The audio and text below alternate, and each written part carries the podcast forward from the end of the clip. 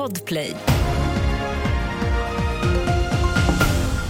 Här är senaste nytt med att SMHI har tagit bort den orangea varningen för snöfall i Mellansverige nu. Men det är fortsatt stökigt på vägarna, rapporterar Maria J Holmgren som är i Ludvika.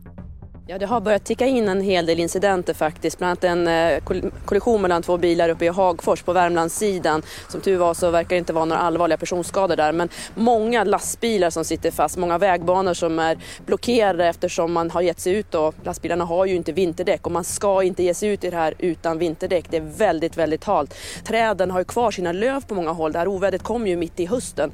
Och när den här lövfällningen sker så blir det extremt halt iblandat med snön. Så att man ska vara riktigt försiktig där ute.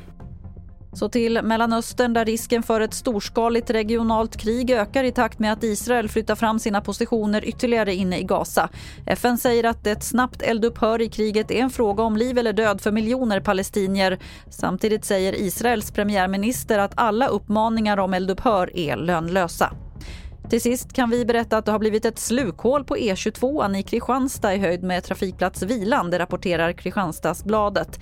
Räddningstjänsten är på plats och har spärrat av hålet. Enligt Trafikverket kan det vara svårt för bilister att passera förbi.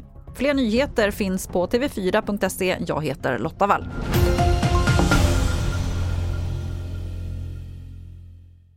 Ett poddtips från Podplay.